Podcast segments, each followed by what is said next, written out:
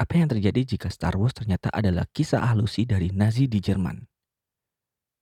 Perang di planet Endor di episode 6 adalah hasil satir dari Perang Vietnam. Bagaimana kalau karakter Yoda yang merupakan boneka awalnya diciptakan sebagai monyet dengan memakai topeng? Ya, semacam topeng monyet kalau di sini. Lantas istilah Jedi yang meniru konsep kesatria perang salib berasal dari bahasa Jepang Jidaigeki yang artinya justru merujuk pada sebuah genre film di Jepang. Saya Jacob Julian dan kamu sedang mendengarkan Catatan Geek Podcast.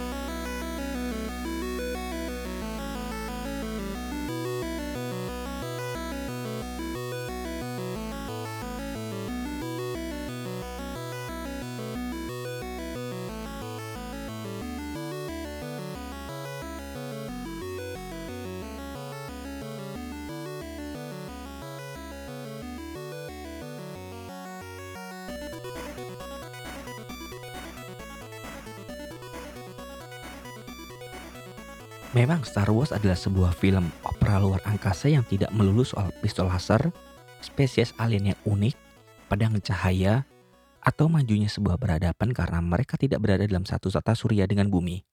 Enggak, enggak hanya itu. Star Wars melebihi ekspektasi. Tentunya bagi saya, Star Wars bukan hanya film yang mengajarkan bahwa kebaikan akan selalu mengalahkan kejahatan, adanya toleransi antar spesies berbeda, ataupun agama tanpa mewujud rupa. Star Wars bisa dengan telak mengubah cara pandang saya tentang segala hal. Oke, saya akan cerita sedikit tentang bagaimana awal mula saya mengenal epic saga ini. Kata kuncinya adalah hadiah Ciki. Jika ingatan saya tidak lupa, saya akan kembali ke masa sebelum Orde Baru lengser. Semuanya menyenangkan bagi diri saya sendiri waktu kecil. Sekolah, diberi uang jajan, uangnya dibelikan Ciki di toko samping sekolah. Ciki waktu itu memberi hadiah di setiap bungkusnya, yaitu potongan cuplikan film Star Wars yang bentuknya potongan film Tustel. Potongan film tersebut terbuat dari plastik yang notabene jika potongan film tersebut dimasukkan ke teropong kardus yang ada kaca pembesarnya dan diintip dari luar, potongan film tersebut akan terasa nyata berada di dekat mata. Dan gambar-gambar potongan film itu harus diurutkan dan dimasukkan satu persatu ke dalam teropong kardus agar membentuk jalinan cerita yang utuh. Ya kayak generasi 90-an waktu itu pernah ada mainan teropong-teropong gitu yang kalau diintip gambar ada gambar-gambar yang bisa diubah-ubah dan salah satunya saya ingat adalah gambarnya Ka'bah. Jadi ketika ada temen yang tanyain kamu lagi lihat apa? Aku lagi ngintip Ka'bah. Dan ya seperti itulah sensasinya ketika melihat potongan film Star Wars di teropong kardus ini. Saya masih ingat kalau gambar-gambarnya tuh keren seperti pesawat X-wing pedang lightsaber yang nyala stormtrooper yang lari-lari walaupun nggak berlari beneran. Tapi itulah kekaguman saya pertama kali melihat Star Wars terasa nyata dan saya ingat juga Ciki waktu itu ngasih nama hadiah ini adalah Perang Bintang dan saya juga agak lupa bagaimana cara mendapatkan teropong kardusnya itu. Tapi yang saya ingat-ingat kembali itu dijual terpisah karena gak satu paket dengan cikinya. Tapi mungkin saya juga salah. Yang jelas sih sekarang kalau dicek di toko daring, Tokopedia atau Bukalapak mainan ini tuh harganya sangat fantastis sekali. Dan koleksi saya sudah hilang karena waktu itu saya harus pindahan rumah dan koleksi saya nggak terselamat.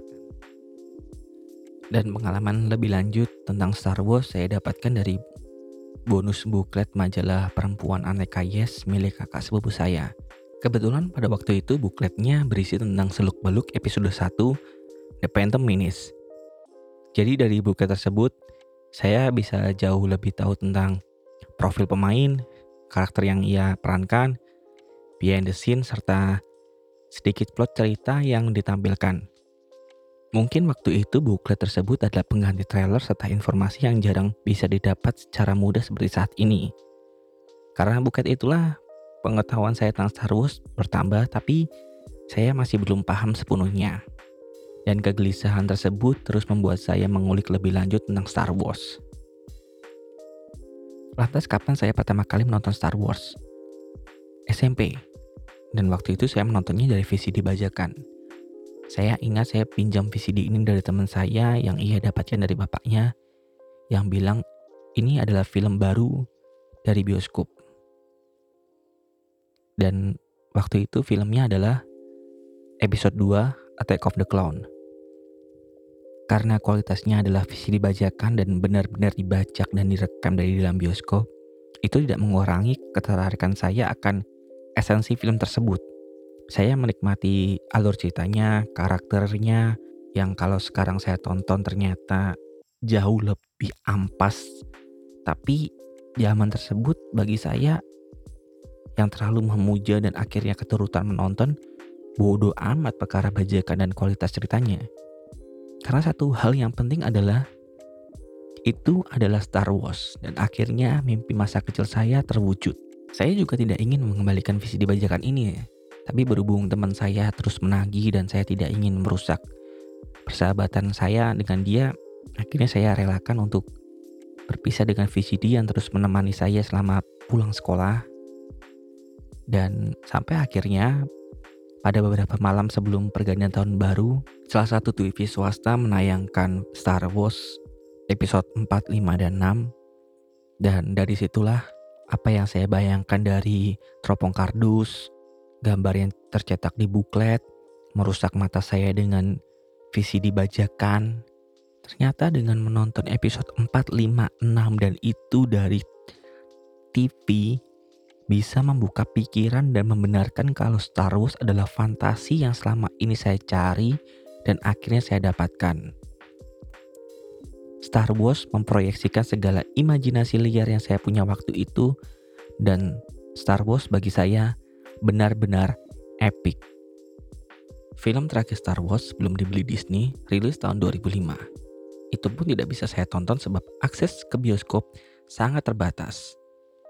Internet juga belum secepat sekarang dan rental VCD bajakan telah banyak yang tutup. Jadi saya hanya memanfaatkan informasinya dari majalah tapi pemberitaannya tidak terlalu heboh dan semasif sekarang. Sampai akhirnya internet menyediakan film-film Star Wars secara gratis hingga detik ini.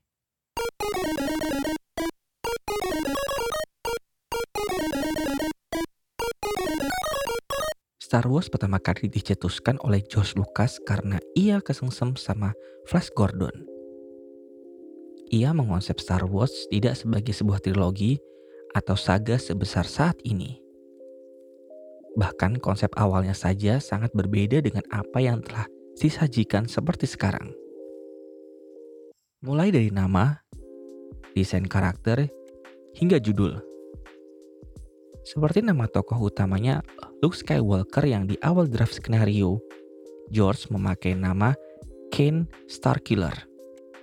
Dan saat draft skenario-nya direvisi, pemilihan judul awal proyek ini adalah Adventure of Luke Starkiller. Hmm, ala-ala film kelas B gitulah. Saat proyek ini akhirnya disetujui oleh pihak studio untuk digarap, judul yang dipakai adalah The Star Wars belum ada embel-embel episode atau subjudul seperti saat ini. George ingin memberikan subjudul setelah tambahan kata episode 4 sebab ia ingin memberi penghormatan kepada serial-serial lawas yang sering ia tonton. Namun pihak studio menolaknya sebab George belum memberikan gambaran sebesar apa film ini nantinya. Bahkan budget produksi film ini hanya 11 juta dolar, 100 kali lipat dari budget produksi film Star Wars yang terbaru tapi mampu merap keuntungan yang sangat-sangat besar. Penambahan kata episode 4 dan subjudul akhirnya dikabulkan saat George menulis episode 5 karena ia tahu filmnya ini akan sangat besar. Tapi kenapa langsung 4? Sesuai dengan subjudulnya, A New Hope. harapan baru bahwa ada episode yang akan memberikan gambaran bahwa kekacauan ini sudah lama terjadi. Meski yang sebenarnya terjadi di lapangan bahwa ini sebenarnya adalah akal-akalan Josh Lucas sendiri. Pun saat pembuatan episode 6 ke 1 berjarak sangat lama, hampir 16 tahun karena setelah episode 6 dirilis, George memutuskan untuk tidak membuat film terlebih dahulu karena ia yakin di masa depan akan banyak teknologi canggih yang bakal membantunya untuk membuat semesta Star Wars lebih bagus lagi. Tapi nyatanya episode 1 sampai 3 yang berfokus kepada Anakin Skywalker justru mendapat kritikan dan review buruk. Banyak alasan yang membuatnya jadi seperti itu. Salah satunya adalah besarnya harapan dari para fans, kegagalan produksi, serta melencengnya plot cerita dari awal. Terlebih, muncul salah satu karakter di episode 1 yang sangat dibenci fans hingga saat ini Jar Jar Binks.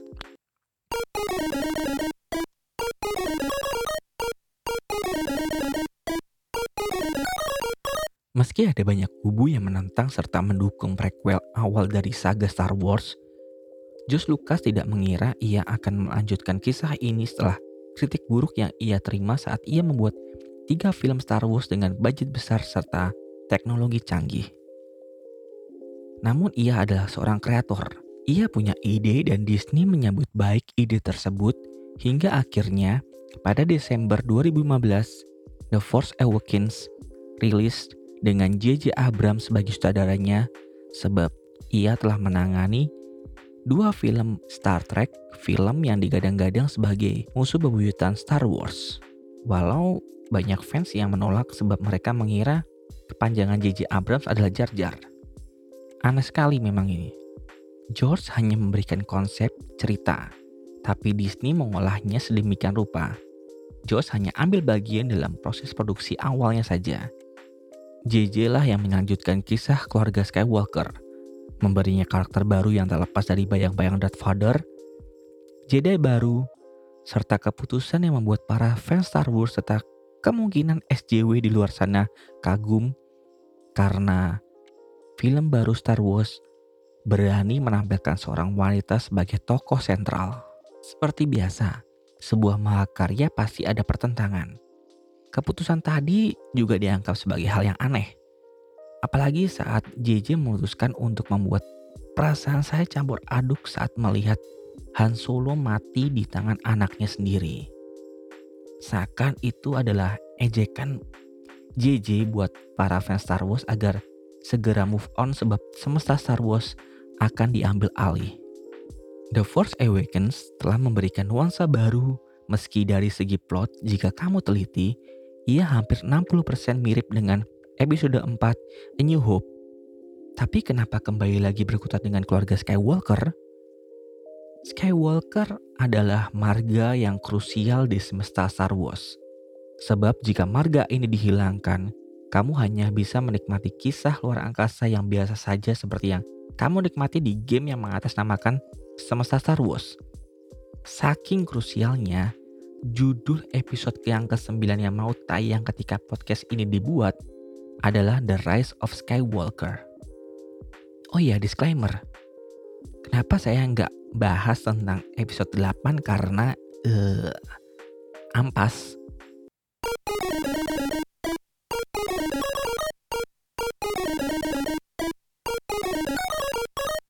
Kenapa Skywalker?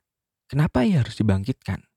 Apa membunuh Luke Skywalker di episode 8 saja belum cukup?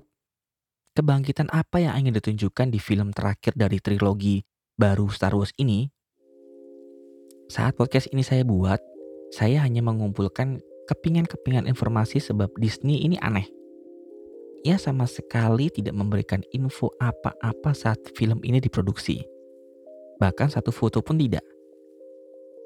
Hingga trailernya dirilis, infonya pun masih sangat sedikit dan itu akhirnya membuat banyak tanya serta spekulasi-spekulasi yang random sekali. Tapi saya sudah mempersiapkan diri sebelum tanggal 18 besok ke bioskop dan menontonnya. Saya sudah prepare dengan segala kemungkinan yang diberikan J.J. Abrams sebab saya percaya dengan sutradara ini tidak pernah membuat film yang mengecewakan saya.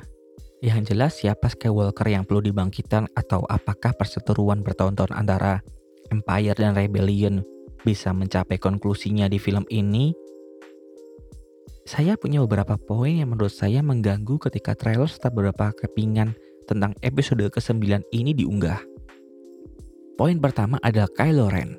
Dengan statusnya sebagai Supreme Leader, saya yakin dia akan mengembalikan namanya menjadi Skywalker lagi, atau paling tidak, ia akan melakukan penebusan dosa menjadi orang baik. Ya, bolehlah ada sedikit romansa dia sama Rey, atau paling tidak di film ini nantinya ia akan menunjukkan bahwa ia bukan yang seperti Luke bayangkan di episode 8. I went to confront him. And he turned on me. He had sensed my power. As he senses yours. And he feared it.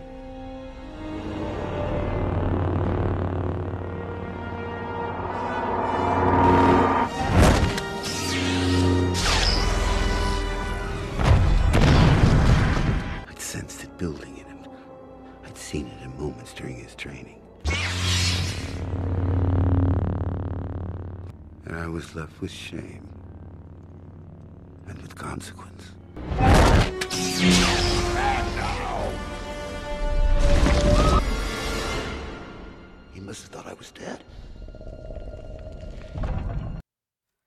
Meski Kylo Ren bisa saja menjadi tokoh jahat sebab saat ini hanya dia satu-satunya Jedi kegelapan dan kemungkinan buruknya adalah di episode 9 ini dia akan menjadi Sith which is gak mungkin karena di trailer ini ada sedikit keanehan yang akhirnya membuat spekulasi ini diluruskan langsung oleh sang saudaranya sendiri J.J. Abrams yaitu adalah kembalinya Palpatine.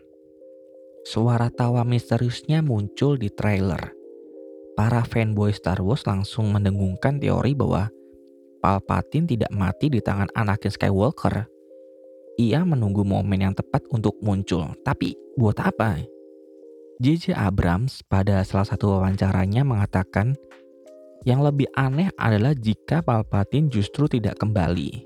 Ketidakhadirannya di trilogi baru ini akan terlihat sangat mencolok.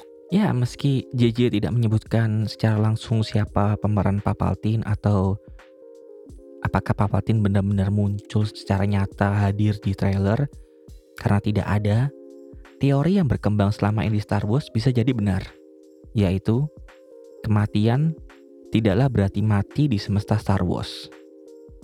Kecuali Han Solo. Tapi siapa Palpatine? Apa pengaruhnya di saga Star Wars? Apa ia cuma blueprint tokoh jahat dengan wajah jelek dan bertudung hitam? Di prequel original, Palpatine adalah senator yang diangkat menjadi kanselir tinggi yang mampu memanipulasi semuanya dan akhirnya menyebut dirinya Kaisar Galaksi. Yang justru menarik dari karakter ini adalah latar belakangnya yang sampai saat ini masih tanda tanya. Bahkan George Lucas pun tidak menceritakannya secara detail, yakni saat Palpatine masih jadi seorang padawan. Ia punya guru bernama Plagueis. Plagueis si bijak mampu menciptakan kehidupan dari Pidi-Glorian. Setelah mengajarkan semua ilmunya, Plagueis dibunuh saat tidur oleh Palpatine.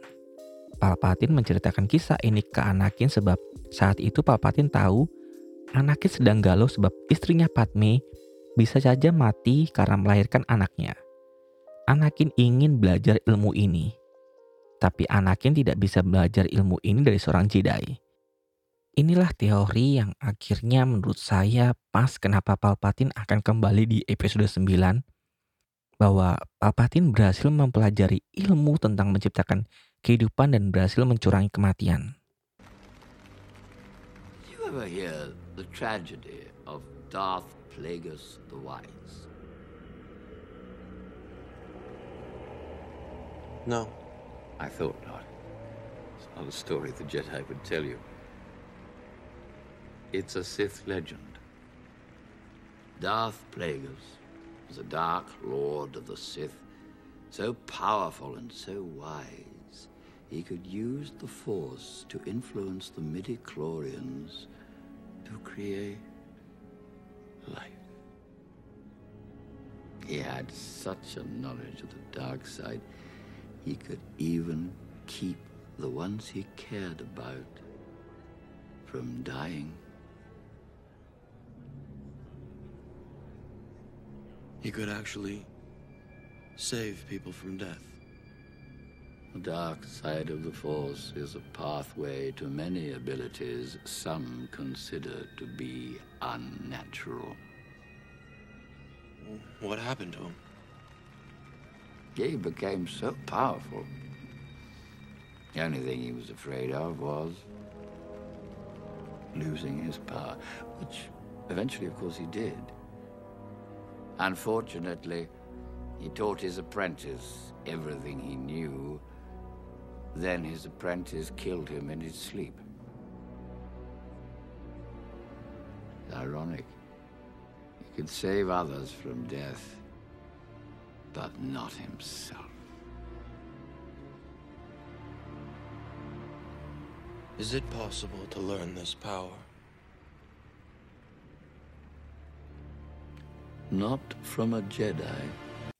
Bisa jadi juga di episode 6 saat Palpatine tahu ia akan dibunuh oleh muridnya, yakni Darth Vader, ia sebenarnya menyembunyikan hal tersebut dan baru muncul bertahun-tahun ketika tahu Luke mati. Sementara sosok pemimpin agung Snoke di episode 7 dan 8 bisa jadi adalah ciptaan Palpatine untuk menggantikan dirinya sampai keturunan Skywalker mati. Hanya saja Snoke justru mati terbunuh di tangan muridnya sendiri Kylo dibantu Rey. You must die. My worthy apprentice, son of darkness, heir apparent to Lord Vader. Where there was conflict, I now sense resolve. Where there was weakness, strength. Complete your training and fulfill your destiny.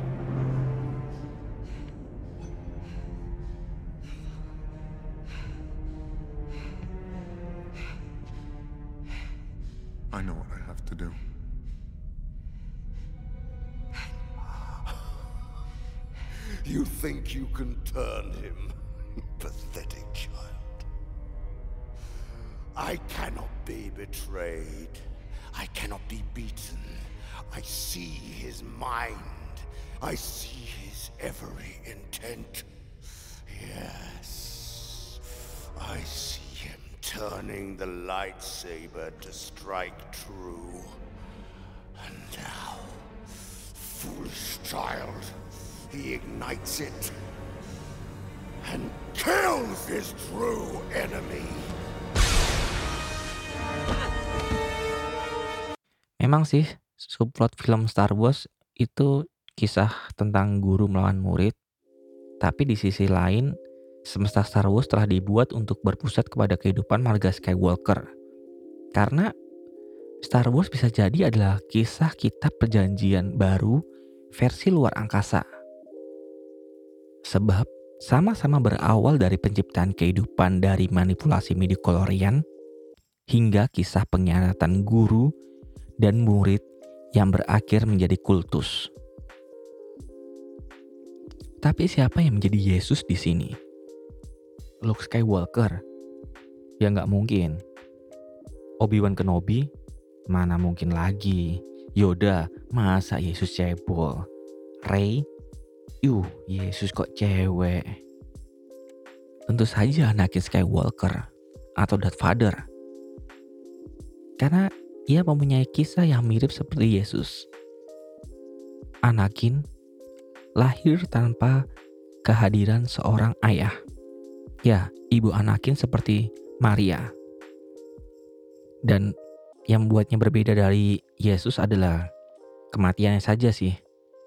Yaitu Anakin tidak punya murid yang mengkhianati, tapi ia justru menjadi murid yang mengkhianati gurunya demi menyelamatkan anaknya Luke Skywalker. Dan itu mungkin adalah rahasia kenapa Star Wars diputar di dekat Natal. Dan dengan judul demikian pula, The Rise of Skywalker bisa jadi Anakin Skywalker yang bangkit layaknya Yesus setelah kematiannya. Tapi apa mungkin? Hey, terima kasih sudah mendengarkan podcast Catatan Geek edisi pertama kali ini. Saya Jacob Julian, pamit undur diri.